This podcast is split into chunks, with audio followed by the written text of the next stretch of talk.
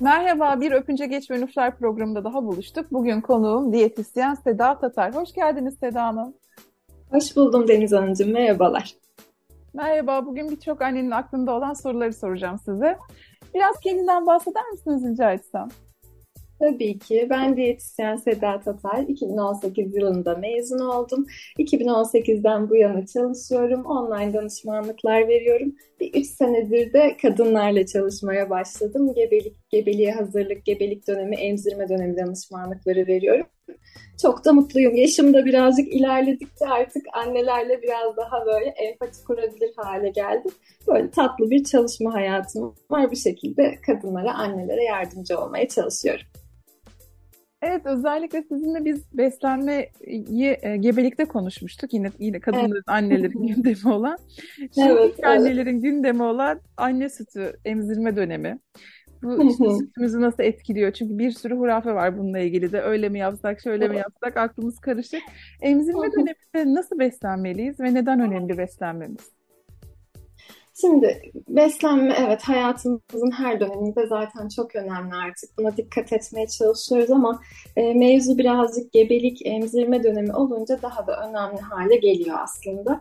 E, sağlıklı beslenmek gebeliğin oluşumundan bebeğin aslında 2 yaşına bastığı güne kadar yani o ilk bin gün dediğimiz dönemde hem anne için hem de bebek sağlığı için çok önemli bir rol oynuyor. E, Dünya Sağlık Örgütü de diyor ki bebeklerin doğumdan itibaren ilk 6 ay boyunca su veya işte başka sıvı katı herhangi bir besin olmadan sadece anne sütüyle beslenmeleri önemli. E, bebeğin suya da ihtiyacı yok çünkü anne bu ihtiyacı sütüyle zaten karşılıyor. Ancak Türkiye'de hala böyle çok e, düzgün bir şekilde 6. aya kadar sadece anne sütüyle ilerleme gibi bir durumun olasılığı hala düşük. Yani istatiği düşük aslında. İkinci aydan itibaren sadece anne sütüyle beslenmenin giderek azaldığını görüyoruz. E, bu yüzden bu konuda hala ciddi bir eğitime ve annelere desteğe ihtiyacımız var. Biz sağlık çalışanları olarak bizim üstümüze düşen görevlerden biri de bu. Ama çok kıymetli gerçekten emzirme dönemi, annenin beslenmesi bu dönemde bizim çok çok işimize yarıyor. Ee, Annenin yeterli ve dengeli beslenmesi artan enerji ve besin öğesi ihtiyacını karşılıyor aslında. Bu da optimum süt üretimine destek oluyor. Ee, emziren annenin günlük enerji ihtiyacı şimdi gebelik dönemine kıyasla çok daha artıyor. Artık daha fazla enerjiye ihtiyacımız var gün içinde. Ee, annenin yetersiz beslenmesi de daha az enerji alımı demek bir taraftan. Buna bağlı olarak da işte annede ciddi halsizlikler görebiliyoruz, yorgunluklar görebiliyoruz. Besin depoların azalmasını, sonuç olarak da anne sütünün etkilenmesini aslında uzun dönemde gözlemleyebiliyoruz. Bu noktada anneye yeterli bir beslenmenin sağlanması çok çok kıymetli. Neden? Ee, bu bir şey söyleyeceğim. Yorgunluklar az önce anne gruplarında yazışmalarda gördüm. Hepsi ortak. Benim de tabii ortak. Ama şu aylar evet. artık daha azaldı. Böyle hücrelerimiz ne kadar ağrıdığını hissediyoruz. Yani sırt, bel, bacak zaten neyse de arkalar kabuk. Ama böyle ben, ben de öyle hissediyorum. Hani kemiklerim ağrıyor diyordum. Dokularım ağrıyor. Artık her böyle hücrem ağrıyor gibi. Bunu tabii herhalde evet. beslenmeyle de ilişkili değil mi? Yani benim kendi beslenmem bir taraftan bir de vücudumuzdan sürekli ne yiyorsak onu da veriyoruz. Herhalde o denge arasında evet. da vücut bu ağrıları yaşıyor diye tahmin ediyorum. Evet, yani gebelik dönemi evet bir şekilde geçiyor. Bir de gebelik döneminde anne kendisine bakıyor. En büyük e, parametrelerden biri bu aslında. Bebek doğduktan sonra anne kendisini unutuyor tamamen. Artık bebeğe odaklanıyor. E, o noktada annenin vücudunda da işte bu belli mikrobesin eksikliklerine bağlı olarak yorgunluklar, halsizlikler görülebiliyor. O yüzden anneyi desteklemek çok kıymetli zaten. Yani burada annenin ciddi olarak hem psikolojik hem fizyolojik olarak desteklenmesi kıymetli. E, günde ortalama biz şimdi emzirirken böyle bir 700-800 mili bu bazı annelerde daha az bazı annelerde daha fazla ama bir süt üretimi oluyor. Her 100 mili içinde aslında 67 kalori harcıyoruz biz ortalama olarak. E, otoriteler de diyor ki emzirme dönemindeki bir anneye sen günlük artı 500-600 kilokalorilik bir enerji desteği yapmalısın ki sütün oluşumu etkilenmesin, anne yorgunluk hissetmesin ve bu iş sürekli hale gelsin, daha sağlıklı bir hale gelsin. O yüzden böyle çok düşük kalorili beslenmeler vesaire o noktada bizi birazcık üzen, yoran şeyler oluyor. E, mesela günlük alınan enerjinin 1800 kalori altına düşmesi o noktada annenin süt üretimini ciddi anlamda etkiliyor. Buna çok dikkat etmemiz lazım. E, hep her şey önemli. Hem makrolar hem mikrolar önemli ama işte makrolardan söz edersem karbonhidratlar mesela. Bu e, emzirme dönemine geçince kadınlarda şöyle bir şey oluyor. Çok kilo aldım, eyvah ben ne, ne yapacağım bu kilolarla? Hemen zayıflamam lazım. E, o noktada da karbonhidratı kessem sanki zayıflarız, hallederiz bu işi gibi bir yanılgıya düşülebiliyor. Bu durum ne gebelik için ne emzirme dönemi için aslında uygun bir durum değil. Temel enerji kaynağımız çünkü bizim karbonhidratlar. E, bu demek değil ki kendimizi işte poğaçalara, böreklere falan tamamen adayalım ama bir tık daha kompleks karbonhidratlar e, iyi ayarlanmış düşük glisemik indeksi bir diyetle e, bu işin sürdürülmesi lazım. Proteinler çok kıymetli yine daha önce de konuşmuştuk. Gebelik döneminde de çok önemli proteinler bizim için ama emzirme döneminde de aynı ihtiyaç devam ediyor. Özellikle emzirmenin ilk aylarında. E, total enerjinin böyle %12'lik 20'lik kısmının proteinlerden verilmesini öneriyoruz. Özellikle mesela sezaryen doğum yapan annelerde yani orada bir doku yaralanması var. Onun daha hızlı iyileşmesi için protein alımının çok önemli olduğu belirtiliyor. Onun dışında e, proteinin de en az %50'sinin aslında hayvansal kaynaklı olmasını istiyoruz. Yani bu bir işte yumurta olur, et grupları olur vesaire. Neden? Orada da e, amino asit sporu dediğimiz bir şey var. E, proteinlerin yapı taşıdır amino asitler ve oradaki çeşitliliği sağlamaya çalışıyoruz. O yüzden hayvansal gıdalarda e, amino asit skoru daha yüksektir. Hayvansal proteinler bizim için daha kıymetlidir. Vegan, vejeteryan anneler varsa da eğer e, diğer bitkisel protein kaynaklarını maksimum çeşitliliğe ulaştırmaya çalışsınlar. Daha çeşitli amino asit alabilmek açısından. Üç, bunu önerebilirim bu noktada onlara. E, yağ alımı yine çok kıymetli. Hatta böyle e, ne etkiliyor dersek o sütün içeriği en içeriğini en çok tükettiğimiz yağlar etkiliyor aslında. E, yağ asidi kompozisyonunu direkt değiştiriyor çünkü annenin beslenmesi. Özellikle EPA ve DHA dediğimiz iki tane yağ var. E, omega 3 yağlar bunlar ve annenin beslenmesiyle bebeğe geçişi de değişiyor aslında. Bebeğin psikomotor gelişiminde olumlu etkisi var. Annenin doğum sonrası e, depresyon geliştirmesinin önlenmesinde de etkili bu yağlar. E, o yüzden işte balık, balık yağı bunların tüketimi önemli. E, daha sağlıklı yağlar kısacası annenin beslenmesinde olmalı. E, trans yağlar, işte doymuş yağları biraz daha azaltıyoruz ki sütün yağ kalitesi daha da artsın. E, sütün artması konusunda beslenme belki bir tık ikinci basamakta ama sütün içeriğinin değişmesi konusunda çok yardımcı oluyor beslenmeyi değiştirmek. Zaten işte sütün içeriği daha iyi olduğunda bebeğin gelişiminin de çok daha iyi olduğunu görüyoruz. Ve beslenmede bir bozukluk varsa bunu düzelttiğimiz noktada bebeğin gelişimi de birazcık toparlıyor eğer bir geride kalma durumu varsa. Onun dışında su yine zaten emzirme döneminin herhalde belalısı yani artık su iç tuvalete git, su iç tuvalete git ama çok kıymetli bir şey su tüketimi, sıvı alımı emzirme döneminde. E, süt miktarının etkilenmemesi için annenin günlük 3-4 litre en az 3 litre bu 4-4,5 litreye kadar çıkabiliyor. Total sıvı alımını yapması lazım annenin süt verimini artıran tek şeyin su olduğu da çalışmalarda belirtiliyor artık. Yani bir şey yiyerek değil sütünüzü artıramazsınız ama bir sıvı kaybı varsa siz bu sıvıyı yerine koyduğunuzda sütünüzü de toparlayacaktır. Ee, kompostolar, hoşaflar, işte emziren anne çayları vesaire bunlarla da aslında sıvı alımını biz birazcık artırabiliyoruz. Benim nacizane önerim günlük minimum bir 3 litre suyunuz olsun. Yanında da işte kompostolarla, çorbalarla, çaylarla vesaire bunu üstünü tamamlamak şeklinde olacaktır. Ee, kısacası emzirme dönemi hem anne için çok kıymetli hem de bebek sağlığı için çok kıymetli. Anneler lütfen kendilerini unutmasınlar. Doğum oluyor çünkü doğumdan sonra anneyi biz bir daha bulamıyoruz yani. Ne bir kan tahlili bakılıyor ne tekrar bir doktor kontrolüne gidiliyor. Anlayabiliyorum o telaşın içinde çok zor bunu yapmak ama zaten emzirme dönemi beslenmesi bir tık daha anne merkezli bir beslenmedir. Yani biz anneyi iyi, iyi edeceğiz ki ondan salgılanan sütle bebekte gelişimi tamamlayabilsin. Yeterli ve dengeli beslenmeyi sağladığımızda zaten anne de hastalıklardan korunuyor. Bebeğin metabolik durumu da destekleniyor. O yüzden yani bu noktada bir tık daha böyle kişisel deneyimler de kıymetli. Evet otoritelerin belirlemiş olduğu miktarlar var. Şundan şu kadar yenilecek şeklinde ama en önemli şey bu noktada anneyi bireysel olarak değerlendirmek diyebilirim Beyza'cığım. Çok teşekkür ederim. Valla aklımdaki birçok soruyu ardı ardına tatlı dilinizle açıkladınız. Şimdi şöyle bir şey aklıma takılıyor bir de. Biz yersek bebeklerde gaz olur mu? Yani hep gaz biliyorsunuz ilk en büyük problem olduğu için. Evet, ne yapsak evet, ne yesek evet. yemesek diye sorayım o zaman. Evet. Evet. Ya aslında şöyle bir durum var. Şimdi gazsız bebek diye bir şey çok mümkün değil. Neden? Çünkü e, gelişmemiş bir sindirim sistemi var aslında bebeklerde. Normal fonksiyonu sağlayamıyor hala. Biz yetişkinler bile bunu normal bir sindirim fonksiyonu olarak yaşarken onların bunu daha sık yaşaması çok normal. Gel bir de bize sor diyor şu an beni dinleyen anneler büyük ihtimalle. Ama yapacak bir şey yok. Bu iş birazcık böyle.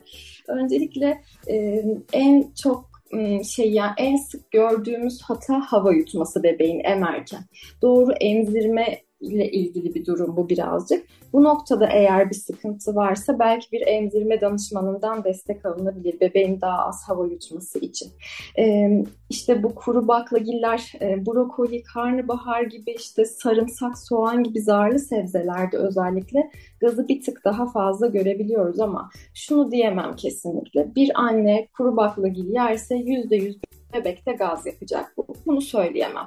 Bazı anneler de yapıyor, bazı anneler de yapmıyor. Bu birazcık daha e, besinin lif içeriğiyle de alakalı bir şey. O lifler bağırsaklarda işte e, sindirilirken, emilirken çıkan bir şey. Kan dolaşımından anne sütüne geçen bir durum aslında bu.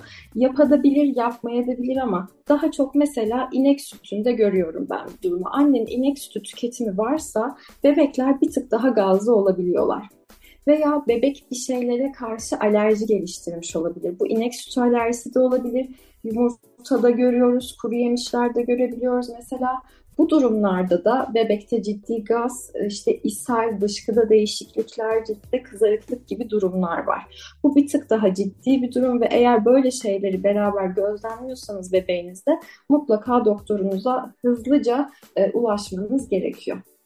Bazı meyveler yapabiliyor gazı. E, o da şundan kaynaklı aslında. Eğer sizin bağırsak probleminiz varsa o meyvenin içindeki fruktoz anne sütüne geçebiliyor. O yüzden bebekte de gaz yapabiliyor. Daha çok hatta bebekleri gazlı olan annelerde şunu da gözlemliyorum. Annenin bağırsak florası çok iyi durumda olmuyor genelde. Annenin önce bağırsak florasını toparlamak buna paralel büyük ihtimalle bebeğinkinin de toparlanması demek aslında. E, o yüzden bir tık anneyi de desteklemek yine en başta ama evet eğer bir şeyin gaz yaptığını siz gözlemliyorsanız onun üstüne gitmeyin. Onu eline edin diyetten hiç gerekli değil. Yerine her türlü başka bir şey konur. Bu genellikle işte kuru baklagiller e, yavaş yavaş bu ikinci, üçüncü ay itibariyle geçiliyor kuru baklagil tüketimine. O noktada şunu önerebilirim. Eğer kuru baklagil tüketmeye başlayacaksanız 24 e, saatlik bir suda bekletme, gerekirse suyun içine kefir gibi bir probiyotik madde ekleme. E, bir çay bardağı kefir eklemeniz yeterlidir. 24 saat onu bekletip ara ara suyu değiştirerek sonrasında pişirme, belki kimyonla beraber pişirme gibi şeyler tavsiye edebilirim. Bir tık daha az gaz yapabilir ama yine emin olamayız bundan. Yani yine çok yapabilir. Bir gün yersiniz çok gaz olur, ertesi gün yine yersiniz hiç gazı olmaz belki bebeğin. Bir tık burada annenin gözlerine güvenmemiz lazım. Annenin bebeğin tanıması lazım ve ona göre müdahale etmesi lazım. Teşekkür ederiz. Peki bir de yine annelerin ortak sorunu bu emzirme döneminde. Eyvah ne olacak bizim kilolar? Gerçi az önce evet. söylediniz 1800 kalorinin altına düşmeyin dediniz. Aynen öyle. Bu kilolardan da nasıl kurtulacağız? evet bu iş birazcık zor bir iş. Yani şöyle zor bir iş. Emzirme dönemi kendi içinde çok zor bir dönem. Yani ben görüşüyorum annelerle bir anne değilim henüz ama artık görüşe görüşe böyle o kadar empati yeteneğim gelişti ki bu konuda yani kendinden vazgeçiyor kadın gerçekten. Her şey bebek için, her şey onun iyiliği için ama bir taraftan da o kilolar böyle yavaş yavaş rahatsız etmeye başlıyor aslında. Bunun için ne yapabiliriz? Öncelikle ilk tavsiyem lütfen acele etmesinler. Yani bebeğin büyümesine birazcık bebekle arasındaki, aralarındaki bağın iyileşmesine izin versinler. Ee, birkaç ay daha o kilolarla yaşanabilir Deniz Hanımcığım. Gerçekten çok daha önemli şeyler var çünkü işin içinde. Ama bazen şu da oluyor yani anne o kadar stresleniyor ki kilosu yüzünden bu artık e, günlük tutumuna, davranışlarına, bebekle olan iletişimine hatta süt durumuna bile yansıyabiliyor. O noktadaysa eğer tamam yavaş yavaş kilo kaybına başlayabiliriz biz ama e, o durumda değilse biraz daha beklenebilir. Yani e, iki, minimum ikinci ayda başlanabilir ama eğer anne bekliyorsa bu beşinci, altıncı aya kadar uzayabilir. Çünkü zaten çok zor bir dönem. Anne ne yediğinin farkında değil, evde karşısına ne çıkarsa onu tüketiyor yaşayabilmek için. E, o yüzden o motivasyonun da sağlanması ve annenin bunu devam ettirebilmesi için bir tık daha ben bebişin büyümesini tavsiye ederim açıkçası. E, kilo yönetimine başlayacakken, zayıflamaya başlayacakken annenin sütünü ve bebeğin gelişimini de değerlendirmemiz lazım. Eğer annenin sütünde bir yetersizlik varsa, azlık varsa kesinlikle aman diyeyim kilo vermeye çalışmasın. Burada daha da kötü bir tabloya gitmesine sebep olabiliriz. E, düşük kalorili diyetler demin de söylediğim gibi ki kesinlikle yapılmaması lazım. 1800 kalorinin altı evet bir haftada annenin sütünü azaltmaya yetecek bir kalori 1800 kalorinin altı. 1500 kalorinin altına düştüğümüzde de artık çok hızlı bir şekilde sütün azalma eğrisini geçtiğini görüyoruz. Ayda ortalama 2 kilogramlık kayıplar aslında önerilen 2 kilogram kaybın üstüne çıkmayın diyor otoriteler bize bu noktada. Haftada bu da 500 gramlık bir kayıba tekabül ediyor aslında yavaş yavaş e, zayıflanması bu noktada. E, diyete başladınız diyelim ama sütünüz etkilendi. Sütünüzde bir azalma hissediyorsunuz veya işte bebek rahatsız olmaya başladı vesaire. E, diyeti bırakın. Yani kilo verme diyetini bırakın en azından öyle söyleyeyim. E, bunu yaptığınız zaman tekrar süt büyük ihtimalle toparlayacak ama ısrarcı olmayın. Eğer olmuyorsa süt etkileniyorsa lütfen diyeti ara verin. E, makro ve mikro besin öğelerinden zaten yeterli bir diyet yapmamız lazım. Bu şart bizim için. E, bir de şey oluyor Deniz Hanımcığım. Anne böyle birazcık kilo veriyor, veriyor, veriyor emzirme döneminde. Sonra öyle bir an geliyor ki kilo almaya başlıyor tekrar gebelikteki gibi. Orada bir tehlikemiz var. E, o da şeyden oluyor işte bazen sütü biraz daha artırmak kaygısıyla anne daha fazla şekerli besinler tüketiyor, daha fazla karbonhidrat tüketiyor. Orada tartıdaki rakam yavaş yavaş yavaş tırmanmaya başlıyor. Bana ilk gelen mesajlardan biri de bu. Gayet güzel gidiyordu kilolar artmaya başladı. Şimdi ne yapacağız? Bizim bu işi toparlamamız lazım şeklinde.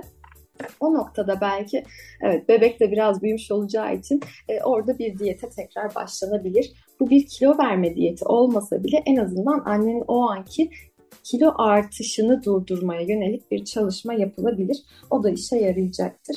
E, doğum sonrası dönemde böyle anneler işte bana ilk mesaj attıklarında e, yazıyorlar çok kiloluyum, kilo vermek istiyorum vesaire ama soruyorum bebiş kaç haftalık, kaç aylık, daha işte 4 haftalık, 5 haftalık diyorlar. E, diyorum ki bekleyin, lütfen bekleyin. Bu çünkü şu an yapacağımız şey ne size fayda sağlayacak ne bebeğe fayda sağlayacak. Öncelikle annenin ve bebeğin sağlığı eğer kilo çok ciddi bir sağlık riski teşkil etmiyorsa bu noktada bizim için. O yüzden eğer diyet yapmak isteyen varsa bir 3-4 ay beklesinler ortalama sonrasında keyifle zayıflayabilirler. Zaten metabolizmada zaman, zaman içinde eski haline dönmeye başlayacak, hızlanacak. İşte adet döngüsü başlayacak vesaire. Onun için çok acele etmeden e, zamanını beklesinler anneler. Şimdi size son bir sorum olacak. Artık sona doğru yaklaşıyoruz programın sonuna doğru. Böyle annelere fikir olabilecek. Gün içinde mutlaka bunları tüketin diyeceğiniz bize. İşte sabah şunu yumurtanızı yiyin örneğin gibi bir şey var mıdır? Sütü olumlu etkileyecek. Öyle. E, proteinler önemli. Gerçekten çok önemli yumurtayı kesinlikle yiyin yiyebiliyorsanız. Orada şuna dikkat edin yumurtanın sarısında mutlaka iyice piştiğine emin olun. Yani bir göz yumurta, kayısı kıvamı vesaire bunları istemiyoruz emzirme döneminde. Ee, yumurtanızı yediniz işte zeytin olur, soğuk sıkım bir zeytinyağı olur, avokado olur, ceviz olur. Bunları dahil etmeye çalışsınlar beslenmeye. Ara öğünlerini kuru yemişlerle, kuru meyvelerle, taze meyvelerle desteklesinler. Akşam yemeklerinde de işte haftanın 3-4 günü güzel bir et, haftanın 2-3 günü de lif alımını artırabilir bilmek için sebze veya kuru baklagille destekleyebilirler açıkçası. E, bu işte şeyler var, e, galaktogoklar dediğimiz grup var. Annede süt üretimini artırabileceğinden bahsedilen şeyler. E, işte çemen otu, sarımsak, rezene, kişniş vesaire bunlar emziren anne çaylarının içinde de var. O çaylardan dahil edebilirler beslenmeye.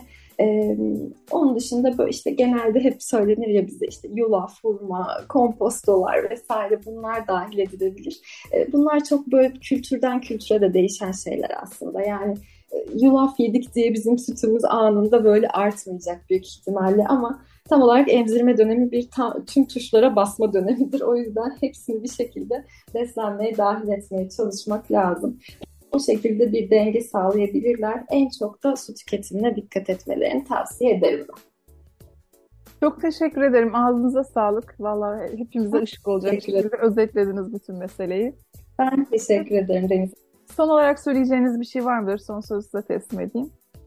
Ee, başarılar diliyorum tüm yeni annelere. Siz de çok yeni bir annesiniz. Bol şans. Ee, zor bir dönem biliyorum farkındayım ama kadınların gücünün de farkındayım artık. Yavaş yavaş böyle çalıştıkça kendi gücümün de farkına varıyorum aslında. O yüzden o bebekle olan ilişkiniz, bebeğin ile olan ilişkiniz çok özel. Hiçbir şey için, fizik, fiziksel görüntünüz için acele etmeyin. Sadece anı tadını çıkarmaya bakın. Bu tatlı zamanlar tekrar gelmeyecek. O yüzden e, umarım çok kolay geçer hepiniz için bu dönem. E, yapabileceğim bir şey olursa bana da ulaşabilirsiniz. E, davet ettiğiniz için de teşekkür ediyorum Deniz Hanımcığım tekrar. Rica ederim. Ben teşekkür ederim konuğumuz olduğunuz için. Biz de isterseniz ulaşım Size ulaşmalar için bilginizi de paylaşın. Instagram'da hesabınız Olur. neydi? Instagram'daki ismim Gebelik Diyetisyeni oradan bana ulaşabilirsiniz. Gebelikdiyetisyeni.com adresi üzerinden de bilgi almak isterseniz oradan da yardımcı oluyorum.